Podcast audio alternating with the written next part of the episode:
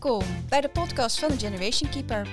Ik ben Anne Marijn en ik zit hier met mijn collega's Femke. En Ilse? En in deze podcast hebben we het over tegenstrijdigheden in de zorg. Elke aflevering behandelen we een bepaald thema en bespreken we een tegenstrijdigheid. Leuk dat je luistert. Hoi, daar zijn we weer bij de, weer een nieuwe aflevering, een nieuwe podcastaflevering. En vandaag willen we het eigenlijk gaan hebben over seksualiteit en over intimiteit. En dat zijn grote onderwerpen eigenlijk, hè? een groot thema. ehm, waar toch weinig aandacht aan wordt besteed binnen de ouderenzorg. En wat wij heel veel zijn tegengekomen. En ook dilemma's, tegenstrijdigheden daarin. En voordat wij daar eigenlijk op ehm, eh, losgaan of voorborduren in eh, wa- wat wij allemaal daarin zijn tegengekomen, leek het ons een goed idee om dit thema eens een keer in te leiden door iemand die daar ook heel veel van af weet. En dat is in dit geval eh, Joris Slaats, professor ehm, in geriatrie. Al heel lang geweest, 30 jaar, nu met emeritaat, dus eigenlijk met pensioen. Maar voor ons is hij nog altijd een bron van informatie en eigenlijk eh, En inspiratie. en inspiratie en eh, senior adviseur bij de Generation Keeper. Ehm, wat wij fantastisch vinden dat hij dat nog steeds wil doen. Zullen we maar eens gaan bellen? Lijkt me leuk. Kijken of hij opneemt? Ja. Oké, gaan we.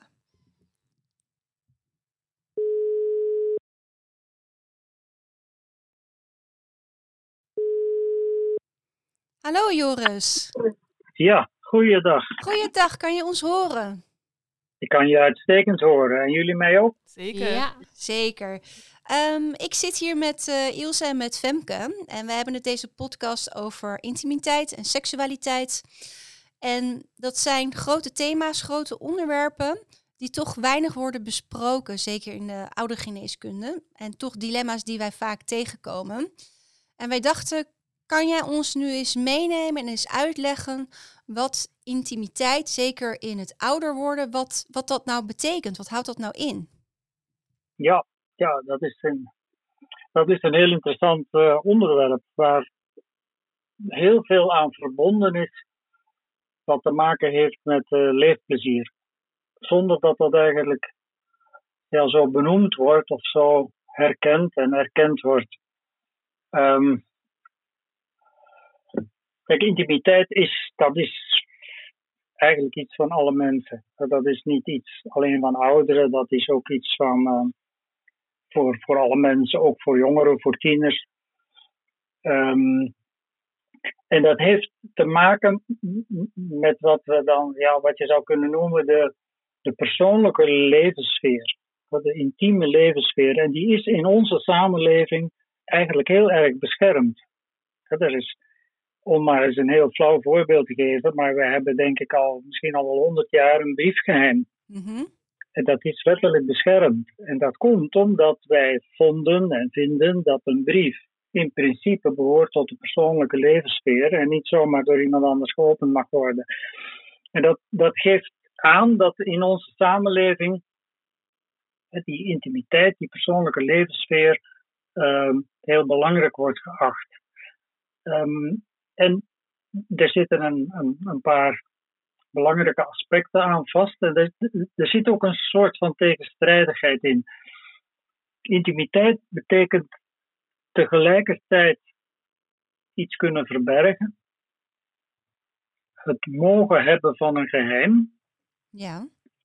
en tegelijkertijd daarnaast ook de mogelijkheid om iets veilig te kunnen delen. En beide zijn eigenlijk even belangrijk.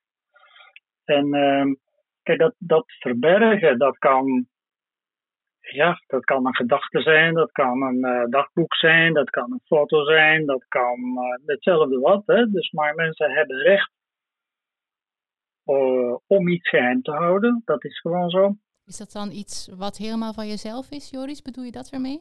Iets wat jij alleen weet? Of... Ja, kijk, je, je hoeft anderen daartoe geen toegang te verschaffen. Hè, dus je moet, hè, je, je, dat mag en dat is soms ook nodig. En dat geldt natuurlijk helemaal voor gedachten en ideeën. Ehm, als je naar andere culturen gaat, hè, dan, eh, als je naar China gaat, dan ligt dat daar heel anders. Hè. Dan moeten mensen eigenlijk allemaal hetzelfde denken en daar is heel weinig ruimte voor intimiteit. Dat is een hele andere cultuur. Maar bij ons is dat, uh, is dat ja, toch heel belangrijk en is dat heel goed beschermd. Um, en en de volgende stap van dat recht op die persoonlijke levenssfeer, die intimiteit, is eigenlijk het, eh, de behoefte om iets veilig te kunnen delen. En dat is een noodzakelijke voorwaarde voor een intieme relatie. Dus je intiem verhouden tot iemand anders, dat is, dat is iets heel fundamenteels. En er is een heel groot verschil tussen een intieme relatie en een niet-intieme relatie. En dat is ook, ook, in de zorg vaak belangrijk om dat uit te leggen aan mensen. Hè. Je, kunt, je kunt een liefdevolle, zelfs betekenisvolle relatie hebben, maar je kunt zo, zomaar niet overgaan tot een intieme relatie. Dat is, dat is, um, ja, dat is echt iets anders en dat is het voorrecht van de persoon om daar wel of niet iemand toegang toe te geven. Ja. Um, dus, dus, en een intieme relatie geeft veel meer betekenis aan de relatie. En als we het hebben over leefplezier, hè, dan zeggen we vaak van het meest belangrijke element in het leefplezier, ik denk misschien wel van iedereen, hè, maar de bottom line, dat zijn betekenisvolle relaties. En dus die, dus die intieme relaties, die spelen daar echt een cruciale rol in.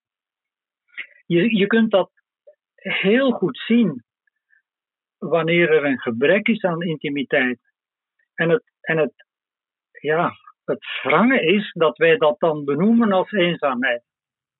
Oh, ja. Zo, ja. En, dan gaan we dus, en dan gaan we dus allemaal programma's opzetten tegen eenzaamheid. En dan gaan we mensen een bloemetje geven, we gaan ze mee uitnemen. Maar dat is, dat is niet de oorzaak van de eenzaamheid. De fundamentele oorzaak van eenzaamheid is een gebrek aan intieme relaties. Je intiem kunnen verhouden tot iemand anders. En daarom mislukken al die interventies. Er zijn ook in Nederland, maar in Europa miljoenen en miljoenen uitgegeven om iets te doen tegen eenzaamheid en die mislukken allemaal. Ik heb er veel van gevolgd ook nog toen ik zelf onderzoek deed. En, ehm, en dat zie je dus ook bij jongeren. Bij jongeren is het, het eigenlijk is de eenzaamheid onder tieners enorm toegenomen. Ja, zeker door corona. Ja. ja, en hoe komt dat? Omdat die sociale media geen intimiteit bieden. Die bieden de illusie van intimiteit, maar dat is geen intimiteit. en mensen lopen, ja, als... knallen tegen eruit. Op het moment dat ze merken dat wat zij dachten een intieme relatie was of een intieme omgeving, hè, iets veilig delen wat alleen maar zichtbaar is voor ons, dat, dat bestaat gewoon niet in de sociale media. Alles hè, via internet, wat via een draadje gaat of via de telefoon, is per definitie niet veilig. Ik denk ook wel, Joris, dat ehm, als je kijkt naar de generatie van nu, de jongeren. Toen ik, ik ben nog niet zo heel oud, maar toen ik echt jonger was, een tiener, toen kon je nog wel eens een blunder maken. Er kon nog iets gebeuren zonder dat dat gelijk gefilmd werd ook, hè, door uh, vriendjes of vriendinnetjes. Dus toen voelde je daar nog veilig genoeg voor. Maar er is inderdaad ook zo weinig ruimte voor die veiligheid, hè, waar je je eigen stukje intimiteit kunt hebben. Wat je kunt ontwikkelen. Want je moet juist vallen, fouten maken om natuurlijk ook. Ja, dus eigenlijk heel logisch wat je zegt over... Alles dat is openbaar. Ja, en dat dat dan heel erg samenhangt met dat eenzaamheid. Ja. Ja. ja, ja. Dus dat is eigenlijk het spiegelbeeld van een gebrek aan een intieme relatie, is eenzaamheid, bij jong en oud. En dus als we, als we iets willen doen aan eenzaamheid, dan moeten we nadenken over het kansen scheppen voor intimiteit.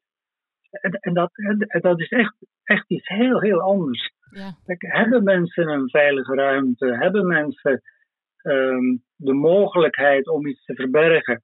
Dat kan schaamte zijn, dat kan iets persoonlijks zijn, dat, kan, dat, dat, kunnen honderd dingen zijn. Hebben mensen de mogelijkheid om iets in een volstrekt veilige omgeving te delen? En mag dat er ook zijn, hè? Vooral mag dat, er zijn? Want als je dat weet, wil je het vaak oplossen. Dat zien we ook vaak. Ja. Dat, dat, zeker. Dat, en, dat moet je dan vooral niet proberen. Nee, nee. Dat is, dat, dat is um, dat hoort, dat hoort bij het, het niet invulbaar verlangen. Hè. Je, je mag een, een, een, een, niet invulbare droom delen met iemand anders. Is ontzettend leuk. Maar als die andere dan probeert om daar iets mee te gaan doen, ja, dan, dan maak je het eigenlijk weer kapot. Ja. En, uh, of een niet invulbaar verlangen. Of een... Dus dat is, hè, waarom worden mensen, wanneer ze hun partner verliezen, eenzaam? Dat komt omdat ze die intieme relatie missen. Ja. Ook al zijn ze omringd door, door allemaal vrienden en buren en weet ik veel wat allemaal, en krijgen ze eten en hebben ze geld genoeg. Dat is hè, dat, dat uh, En je is dat, intiem ver- verhouden. Ja? is dat verlangen altijd ehm, oplosbaar of vervangbaar, denk jij? Nee, Nee. Nee, dat is dus dat is, dat is, dat is een probleem. Maar, maar als wij ons, ook in de zorg en hoe we ons verhouden tot andere mensen en tot ouderen, als we ons beter realiseren dat dat eigenlijk over het begrip intimiteit gaat, Mhm. dan, dan kunnen we in ieder geval gaan we minder blunders maken en gaan we in ieder geval waarschijnlijk toch wel nuttigere dingen doen. Ja, gaan we er anders Dus mee om. Ja, en mag het We er gaan zijn? alles mee om. En ik En denk je dat kunt, jouw uitleg over hè, intimiteit aan zich ook echt heel waardevol is. Want ik denk dat heel veel mensen, als we het hebben over intimiteit, dat heel veel mensen dat een soort ja, bewust of onbewust bijna linken aan lichamelijke intimiteit. Dus Ja, zelfs bijna een stukje seksualiteit. Maar dat is natuurlijk helemaal, hè, dat, dat, dat hoeft Nee. helemaal niet. Nee, dat hoeft helemaal niet. Dat hoeft daar helemaal niks mee te maken te hebben. Daar kunnen we het zo nog even over hebben, hè, maar dat is toch eigenlijk een ander hoofdstuk. Ja. Ehm, en een minder belangrijk hoofdstuk. Hè, de, de, de intimiteit is veel, veel belangrijker dan de seksualiteit. Ik wil de seksualiteit niet, niet onderschatten. Dat is een belangrijke drijfveer in mensen. Maar, ehm, hè, maar dat, is toch, ja, dat is toch anders, en zeker bij het ouder worden, ehm, dan intimiteit. Dat gaat nooit weg. Het verlangen naar intimiteit gaat nooit weg. Dat blijft bestaan, hoe oud je ook wordt. Maar dat, Dat is toch, blijft bestaan. dat is toch ook, Joris, dat ze op een gegeven moment eigenlijk zeiden in de ouderenzorg, dat was dan weer, ik weet niet hoe lang geleden, eh, dat je elkaar eigenlijk al bijna niet meer mocht aanraken. Ja. Geen hand mocht vasthouden. Zeker, zeker. Maar het is, Het gaat verder dan dat. Want dat, ja, dat is heel Maar raar is, in de zorg, eh, als dat zo belangrijk ja. is, zeker in de ouderenzorg, dat er dus Ja. eigenlijk aan de medewerkers werd gezegd, ja, je mag eigenlijk die fysieke aanraking niet geven. nee, nee. Nee, maar je ziet, je voelt al dat het schaatsen op dun ijs Ja, is hè, ja. als hulpverlener. dat voel je aan, want je mag niet zomaar in die intimiteit van iemand anders treden. Van de andere kant, ja, wil je misschien soms wel proberen om iemand een kans te geven om een stukje intimiteit op te bouwen. En, en dat, is, ehm, ja, dat is niet zo eenvoudig. Nee, want het is die betekenisvolle relatie aangaan. Daar start het eigenlijk allemaal mee. Ja. Ja. Want ik denk Ja. als je aan tig zorgverleners vraagt wat intimiteit is, dat wij de definitie krijgen van aanraking of van dat deeltje seksualiteit waar Ilse het net over had. Ja. Maar niet over dat stuk wat jij net vertelt, over het Ja. mogen hebben van geheimen, eigen ideeën, verlangens, kunnen delen met iemand. Ja. Ja. Ja, en, dit- en ook wel, hè, dit, wat, ik, wat ik zo vind, is dat eh, het idee dat een contact via beeldbellen Mhm. Het fysieke contact verva- vervangt, dat is een illusie om in dat beeldbellen de intimiteit ontbreekt. Ja.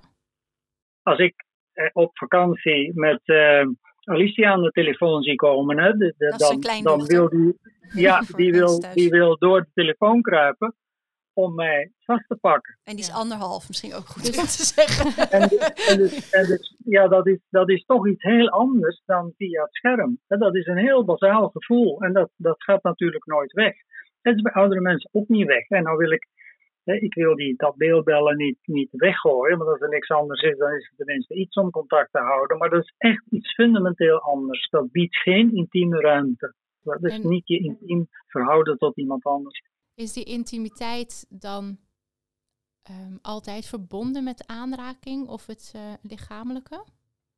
Want je zegt, hè, dat beeldbellen, dat, dat, Dat, is, dat is daar niet altijd mee verbonden. dat Bijvoorbeeld het- versterkt het- wel. hè, maar fysiek het- met elkaar in een ruimte zitten, zonder elkaar aan te raken, is ook wel anders natuurlijk. Ja, Dat is toch wel anders. En, maar goed, in intimiteit zit bijvoorbeeld ook iets verborgen mogen houden. Ja. Ja, dat heeft daar niks mee te maken. Hè? Dus dan, dat moet je mensen gunnen. Hè? Dat ze, dat ze, en dat kan een fysieke ruimte zijn, dat kan iets fysiek zijn wat ze verborgen houden, maar dat kan iets zijn wat ze niet willen vertellen. Of, of wat ze op een gegeven moment. ehm, kijk, ik, ik heb in mijn praktijk mensen van 80 gehad die voor het eerst in hun leven, nadat ik ze ja, vijf of zes jaar eh, een behandelend specialist was, ineens op het spreekuur tegen mij gingen vertellen dat ze als kind misbruikt waren. Voor het eerst in hun leven op hun tachtigste. Tja. Ja, bizar. En dan op dat moment voelen ze die relatie als veilig genoeg om daarin te treden. Maar dat is aan hun. Ja. Als ik vraag, eh, waar, ligt u ergens van wakker of eh, waar denkt u aan? Of, eh, dat, dat, dat helpt allemaal niet. Dat moet eigenlijk, dat narratief moet vanzelf komen vanuit hun. En het enige wat je kunt doen is daar een veilige ruimte voor bieden. En dat is heel erg belangrijk. Maar die moet je dan wel veilig houden. Want wat jij zegt over die veilige ruimte, Joris, hè, zo'n veilige ruimte kan natuurlijk hè, een, eh, ehm, soms ook echt een, een, een fysieke ruimte zijn. Maar als je bijvoorbeeld hebt over mensen die in het verpleeghuis wonen en die Ja. dingen verborgen zouden willen houden voor anderen, bedoel ik hè, misschien bepaalde Ja. spulletjes of dingen, daar is eigenlijk natuurlijk helemaal geen Nee. plekje, geen privacy. Nee, nee, dat vind ik dus heel slecht. Ik, Ja. vind, ik, vind, ik vind dat we dat zouden moeten regelen. En ik vind dat mensen zouden op zijn minst een ruimte moeten hebben. Een hoekje, een kast, eh, waar, waar, ja, waar niet zomaar iedereen in kan. Nee. Dat, dat, ja, dat, dat vind ik echt iets wat, iets, iets wat echt eh, privé is. Ook, ehm, ja, ook in die fysieke ruimte. Ja, en dat En, is er ehm, eigenlijk nauwelijks. Nee, ja, mee eens. Dus ik Want de denk dat het wel... zorgverlener komt in alle kasten om kleren te pakken, spullen te pakken, Nee. make-up doosjes, alles is Ja, en- eigenlijk open. Met Nee. de beste bedoelingen denk ik ook vaak. Maar ik denk dat dit soort inzichten juist heel waardevol dan kunnen zijn voor Ja. zo'n zorgmedewerker. Ja. Om daar eens met andere ogen naar te kijken. Ja. En maar je- wij hebben allemaal thuis, hè, zoals wij met elkaar nu praten, hebben wij zelfs in ons huis, in de omgeving waarin we ons thuis voelen, ja, plekjes waar eigenlijk niemand anders komt. Ik moet denken En- aan dat voorbeeld. Mag ik het vertellen, dat voorbeeld? Ik Ja, had, ja, eh, ja, ja. Ik had ooit een, eh, een, een vrouw mogen begeleiden en die vrouw die was ehm, verstandelijk eh, beperkt. Ehm, ook een deels lichamelijk en ik mocht haar helpen bij de ochtendverzorging. En zij vroeg elke ochtend aan mij of ze handschoentjes mocht. Dus ik was heel nieuwsgierig en ik dacht, "Nou, waar- waarom heb je handschoenen? Ja, tuurlijk mag jij handschoenen. En door het gesprek met haar aan te gaan, en onze relatie was echt al betekenisvol en zij kon echt heel veel vertellen aan mij en ik ook aan haar. Eh, en zij vertelde mij dus dat zij dus ook seksuele verlangens had. En dat ze dat prettiger vond om zichzelf te bevredigen met handschoenen. En daardoor wilde zij die handschoenen. Maar dat durfde ze alleen aan mij die elke ochtend te vragen. En eigenlijk Als jij er de- niet was. als ik er niet was, gebeurde het niet. Nee. Tot wanneer zij dat verhaal met mij deelde. En wij er samen Nee. in dat team voor gezorgd hebben dat er altijd handschoentjes. ehm, Ja. bij, hij maar Maar dat is Ja. eigenlijk ook wel iets, hè? Want deel je Ja. dat eigenlijk Ja. in een ja, team. juist. Iets wat En iedereen weet. Iedereen als- weet dat dan. Iedereen, maar hoe erg, eh, ik zou het zelf ook niet fijn vinden, dat iedereen op de afdeling weet waarvoor Nee. ik handschoenen nodig heb. Nee, maar dat is wat ik bedoel met schaatsen op dun ijs. Ja, Ja, ja. Dat, is, dat is gewoon een heel lastig besluit. En ik vind, ik vind eigenlijk, hè, zou ik zeggen, je moet dan alsnog aan die vrouw vragen of je dat in het team mag delen. Mhm. Ja. Om maar dus te zorgen dat zij altijd die handschoentjes heeft. Dat- ja, dat nu zou ik dat ook anders doen mening. hoor. Maar toen dacht ik ook, ja, tuurlijk mag jij dat. En, eh, ja, toen dacht je er ja. nog niet zo over Nee. na. Ja, ja. nee. Maar dan, hè, maar dan dus, dus, maar het is makkelijker gezegd dan gedaan hoor. In, en, met de beste bedoelingen in iemands intimiteit treden, dat, is, eh, dat is niet eenvoudig. Dus je moet mensen de kans geven, hè, als ze niemand hebben. Dat is, dat is heel mooi, dat maakt het ook spannend en boeiend. Dat maakt die relaties meer betekenisvol. Mhm. Maar, ehm, maar je moet wel heel goed, heel zorgvuldig zijn van hoe je daar dan mee omgaat. Wanneer er in die intieme relatie iets gebeurt, in die intimiteit. Daar moet je heel zorgvuldig mee zijn. Dat mag je eigenlijk niet, niet bes- beschadigen, niet beschamen. En wat zou jouw advies zijn als je een advies mocht geven aan eh, nou ja, de mensen in de zorg wat betreft intimiteit? Nou, kijk, je, je, kunt, je kunt in ieder geval nadenken of je iemand meer kansen zou kunnen geven voor aspecten van intimiteit. Bijvoorbeeld, ja, dat, dat- dat kan in de fysieke zin zijn, maar dat kan eh, met, ja, met, met spulletjes zijn, met, met ehm, Een privékastje in de kamer waar zij alleen de ja, van hebben ja, bijvoorbeeld. maar ook, ook hè, de, ehm,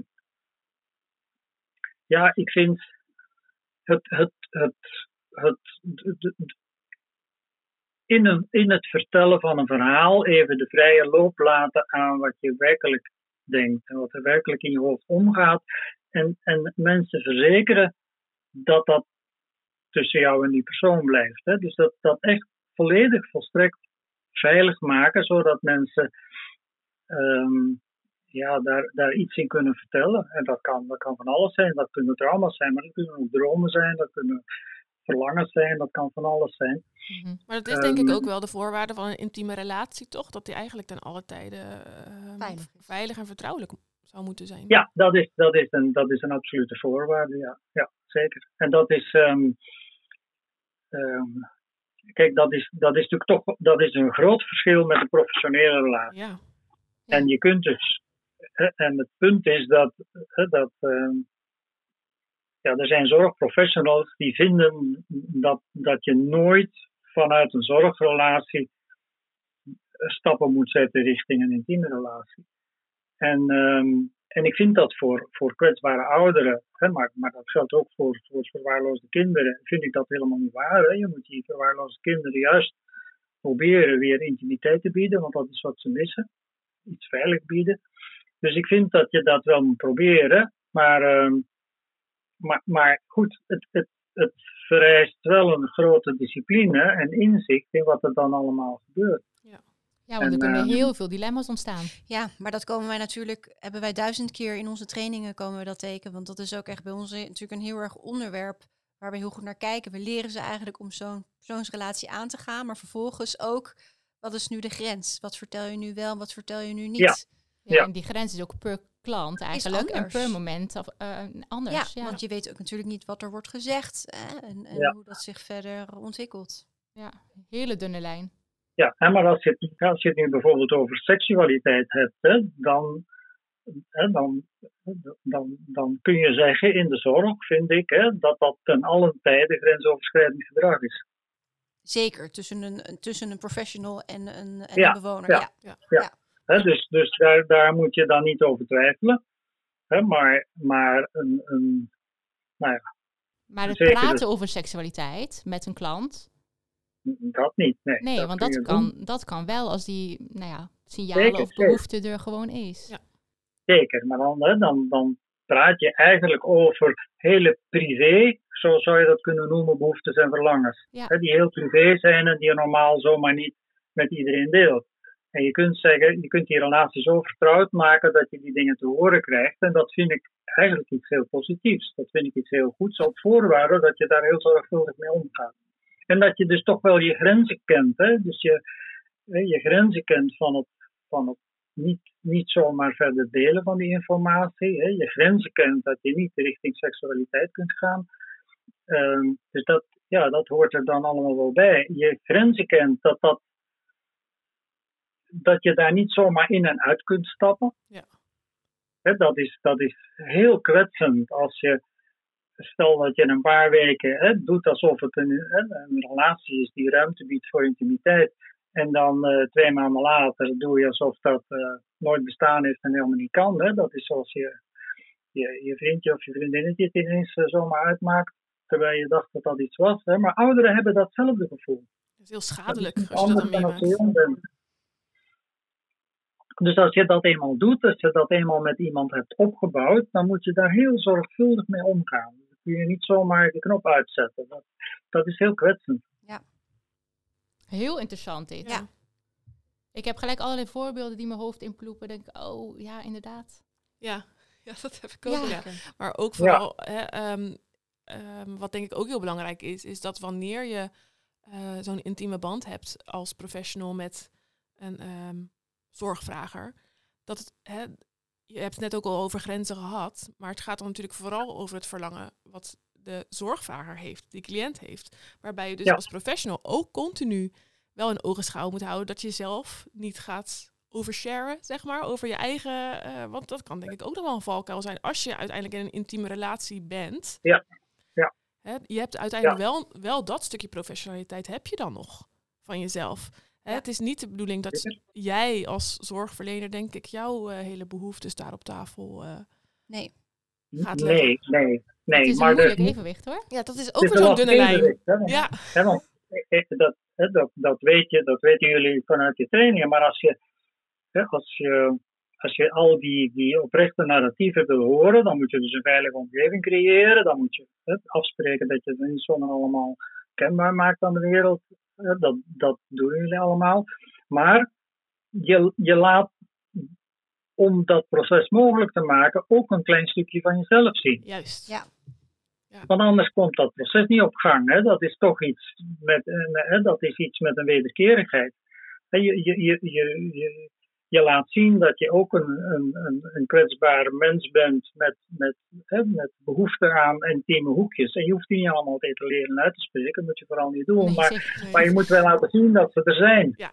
Hè, Je bent geen robot die dat allemaal niet heeft. Eh, Ze praten niet tegen een computerscherm. Ze praten tegen een mens van vlees en bloed. Ja. Die dus ook behoefte heeft aan intimiteit en, eh, en, en, en, en kwetsbaar is. En, Eh, Het lastig vind ik wel, zeker wanneer mensen bijvoorbeeld in een verpleeghuissetting wonen, is dat wanneer hè, ehm, een oudere dan bijvoorbeeld wel heeft durven uitspreken dat er ehm, behoeftes en verlangens zijn op het gebied van seksualiteit, dat we dan ook ineens te maken krijgen met de normen en de waarden van de zorgverlener.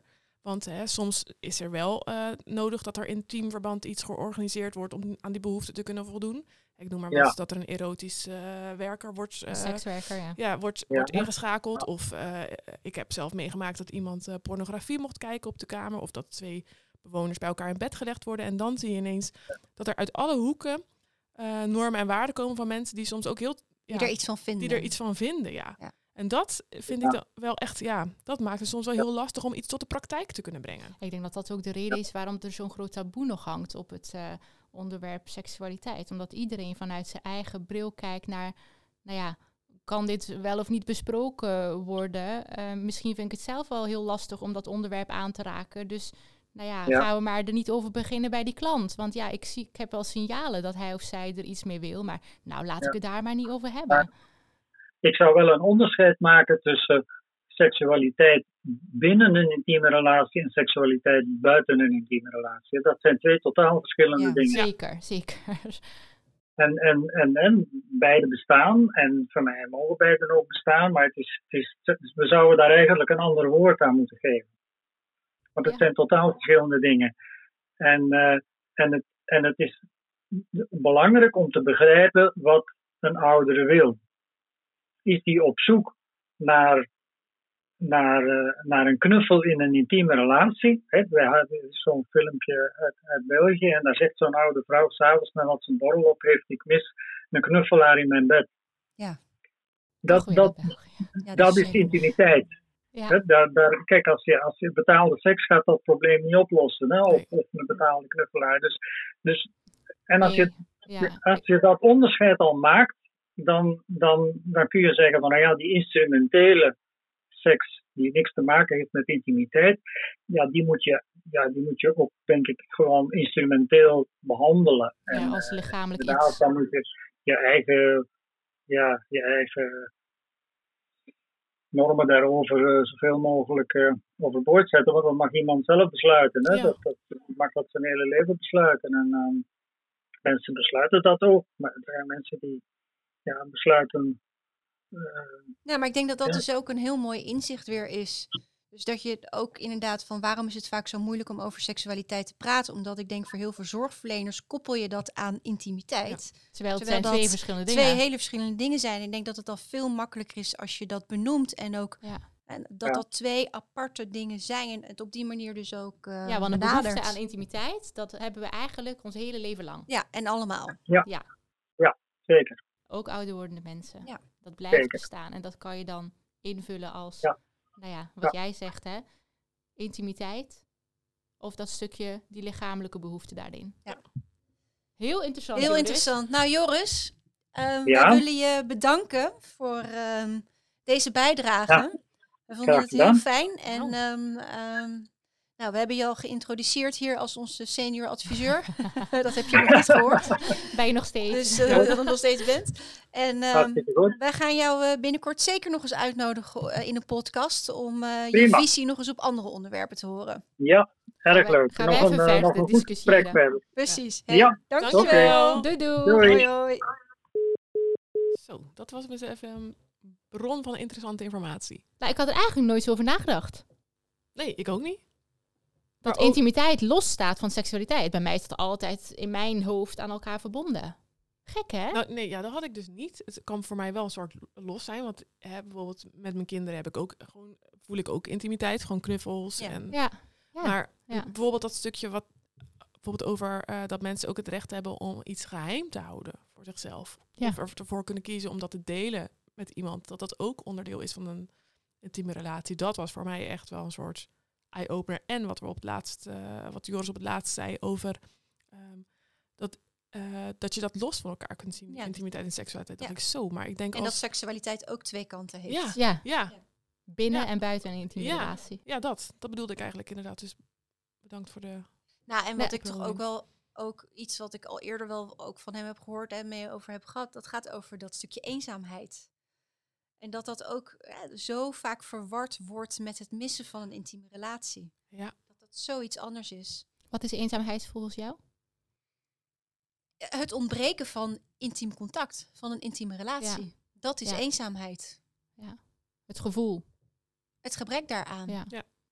want in een intieme relatie voel jij je als het goed is gezien en gehoord. ja, want daar gaat het uiteindelijk weer om. Gezien en gehoord voelen in veilig- elke en je facet. veilig voelen. Veilig voelen, ja. En iets mogen voor jezelf kunnen hebben.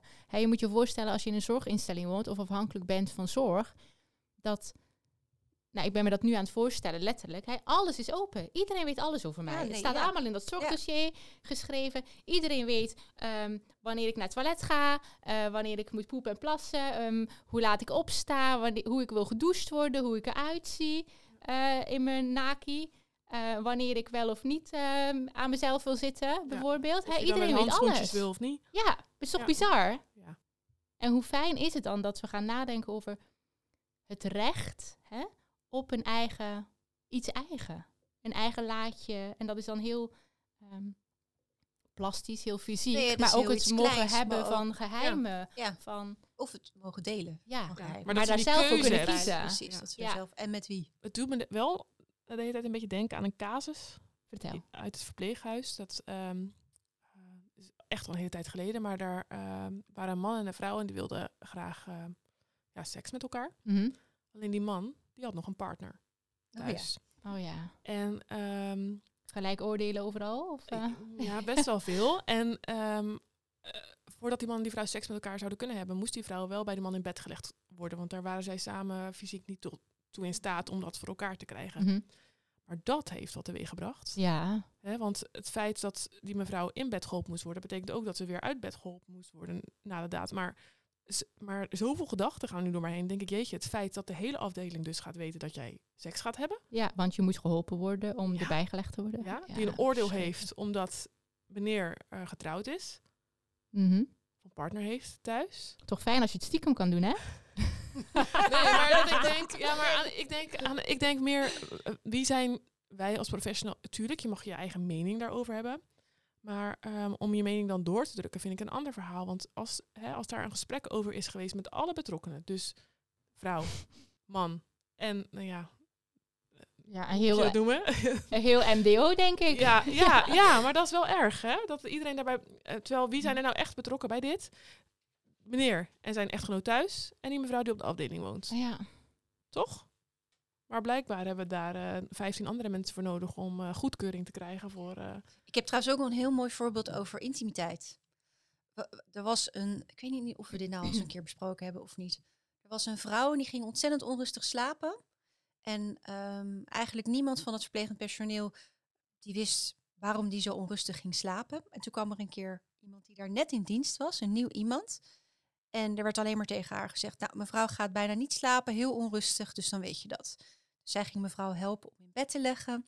En ze zei, wat was nu eigenlijk altijd het ritueel wat je ouders bij jou deden? Oh ja. Nou, die gingen me altijd in bed leggen, een verhaaltje voorlezen. En dan kreeg ik een nachtzoen en dan ging ik slapen. Zij zei, wat als ik u nou eens een zoen geef, een nachtzoen? Nou, kind, dat lijkt me heel fijn. Ze geeft die vrouw een zoen. Ze stopt er onder de dekens en mevrouw gaat rustig Ja. slapen. En dat vind ik nou echt zo'n voorbeeld van Intimiteit. Ja. hè, intimiteit. eh, waarin die vrouw, nou, je merkt hoe erg zij dat dus kennelijk ook nodig heeft. En hoe Ja. simpel het eigenlijk kon Ja. zijn. Ik moet nu denken aan mijn zoontje. Die valt altijd in slaap hand in hand. Oh ja. Nog steeds. Ja. Dus ook intimiteit. Hè, Hoe Ja. mooi is het als hij dadelijk 80 is, bij wijze van. dat dat ook nog steeds zo kan zijn. Dat hij, hij die intieme relatie met iemand kan hebben en daardoor rustig in slaap kan vallen. Zeker. Ja, fantastisch. En ook over dat, bijvoorbeeld over die, dat spookt ineens ook door mijn hoofd. Dat, dat, dat dus wel die, die lichamelijke behoefte hebben aan seksualiteit, wat dus iets anders is. Hadden we gave training in het noorden en er was daar een man en ehm, die had behoefte aan, aan seks. En ehm, hij viel daardoor ook elke keer zijn vrouwelijke verzorgers lastig. Dus dat was een probleem. Hè? Dat was signaalgedrag. En je zag dat ehm, eh, nou, die verzorgers daar lastig mee hadden. Die zijn met hem gaan praten. En hij zei dus, nou, ik- hij sprak uit dat hij echt die behoefte had om, ehm, om seksueel contact te hebben. Dus ze hebben hem- dat voor hem geregeld. Mhm. Zijn met hem naar een hotel gegaan waar een sekswerker kwam. Ehm, ze hebben daar samen naar een kamer gegaan. Meneer kwam daarna terug. Die heeft nooit meer dat signaalgedrag vertoond. Maar heeft ook nooit meer behoefte gehad aan seksueel contact. Waarschijnlijk is het, was het in zijn hoofd zo iets groots geworden. Ja. Van, hè, zoiets groots, die gedachte aan die behoefte. En toen dat dus plaats had gevonden, was die behoefte nou, Ja. vervuld of tegengevallen of wat dan ook. In ieder geval was het klaar. Dus door die lichamelijke behoefte eigenlijk te Om daar, bevredigen. nou ja, om daar inderdaad dat Ja. serieus te nemen en om dat voor hem te faciliteren. ja. Hè, ongeacht dus wat daar de uitkomst van was. Maar wat je nu vertelt is wel mooi, want dat ehm, duidt nogmaals hoe belangrijk hè, die beide facetten waar we het net over hadden.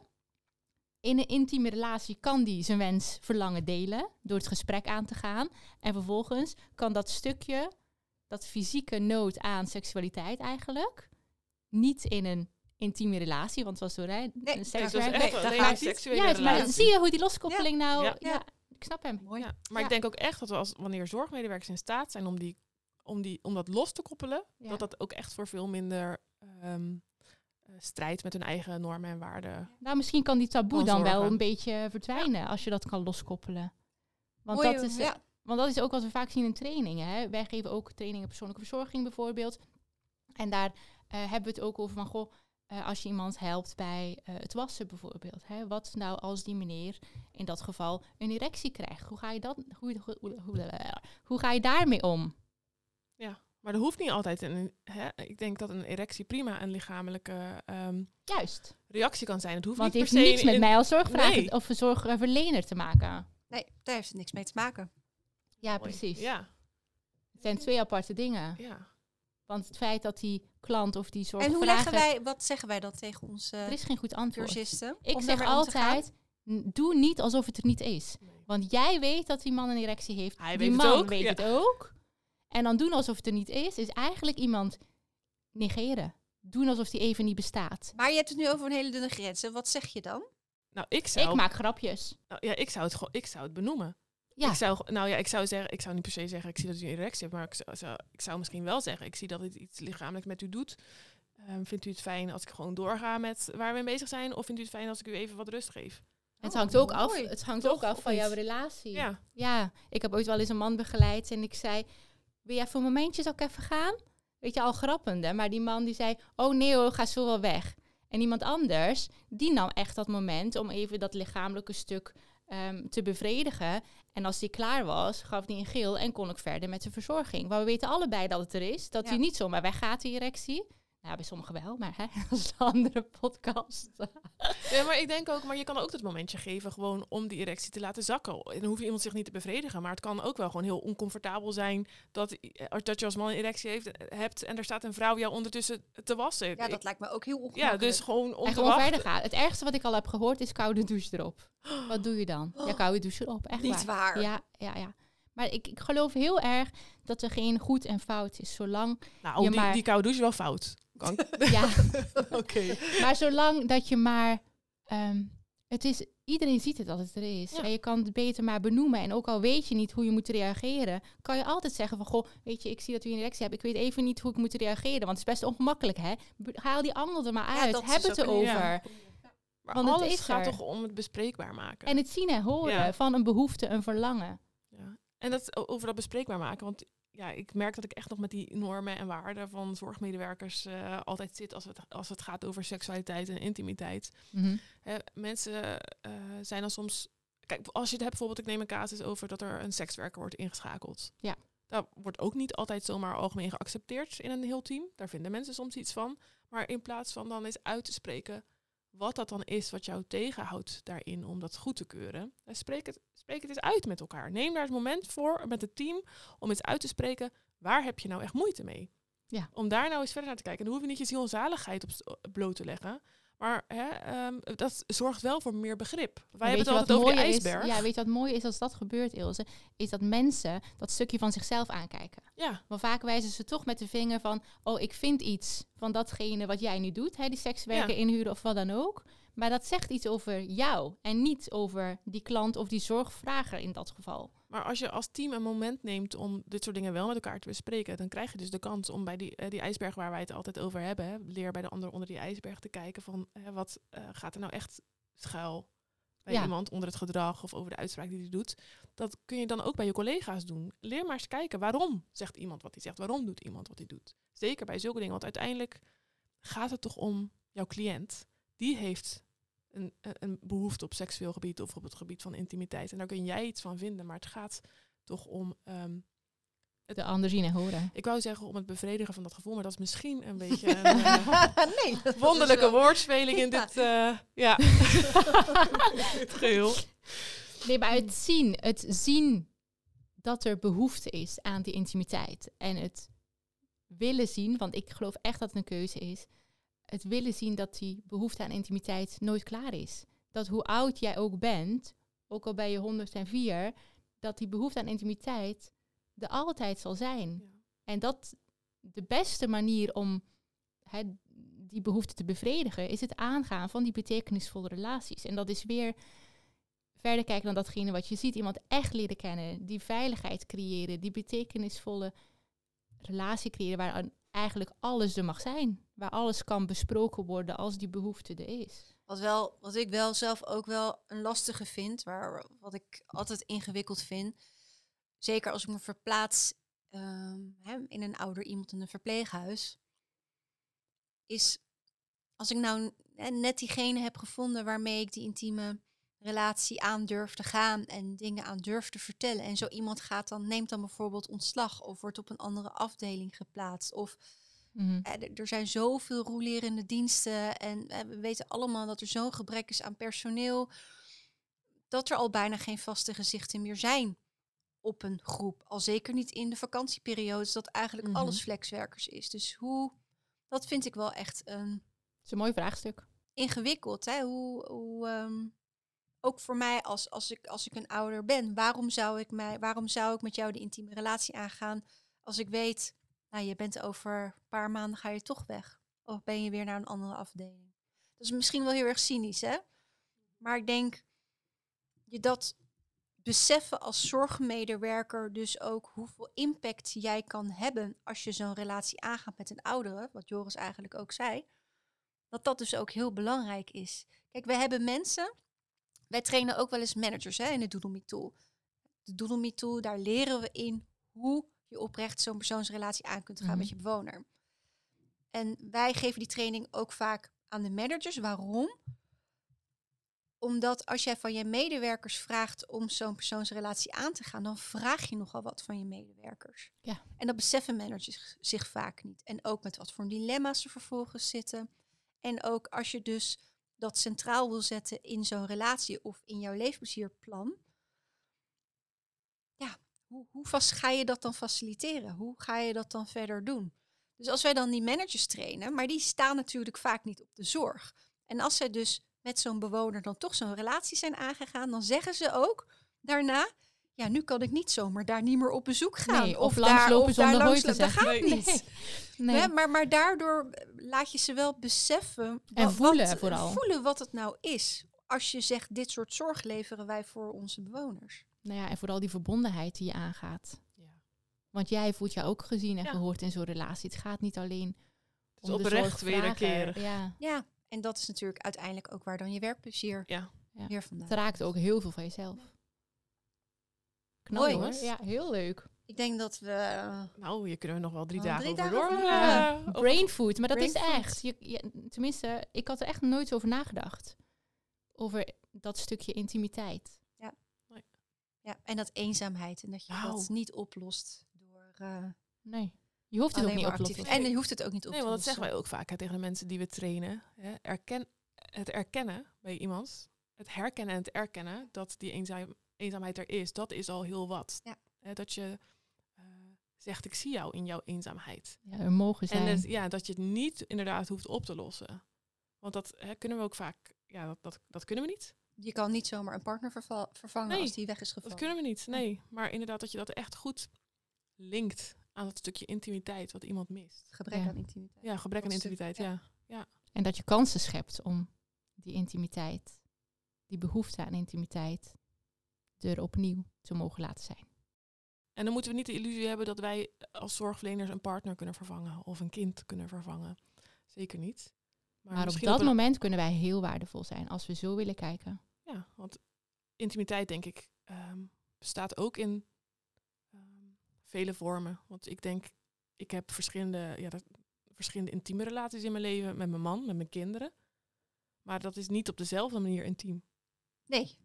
Nee, Nee, maar zo kan je. Nee, maar ja, ja nee. ik hoop het niet. ja, jongens, ik koppel, ik koppel nu intimiteit en seksualiteit los, hè, jongens? Nee, maar ik bedoel, nee, maar ik bedoel, ik deel met mijn man toch andere dingen als met mijn kinderen. Ja, En met mijn vriend, met mijn goede vriendin eh, deel ik ook andere dingen, maar het is wel een intieme relatie. Ja. Toch? En dus eh, wat ik eigenlijk wil zeggen is dat een zorgvrager met een zorgverlener ook een intieme relatie kan aangaan, maar die zal niet hetzelfde zijn als met een partner. nee, want die blijft professioneel. Nou jongens, we zijn rond. Ja, zijn we We rond? zijn rond. Nou, Top. Dank jullie wel. Ik vond het weer eh, een boeiend gesprek. nou, zeker. Bedankt Joris ook voor eh Ja, de dankjewel voor de input. En eh, tot de volgende keer. Joejoe.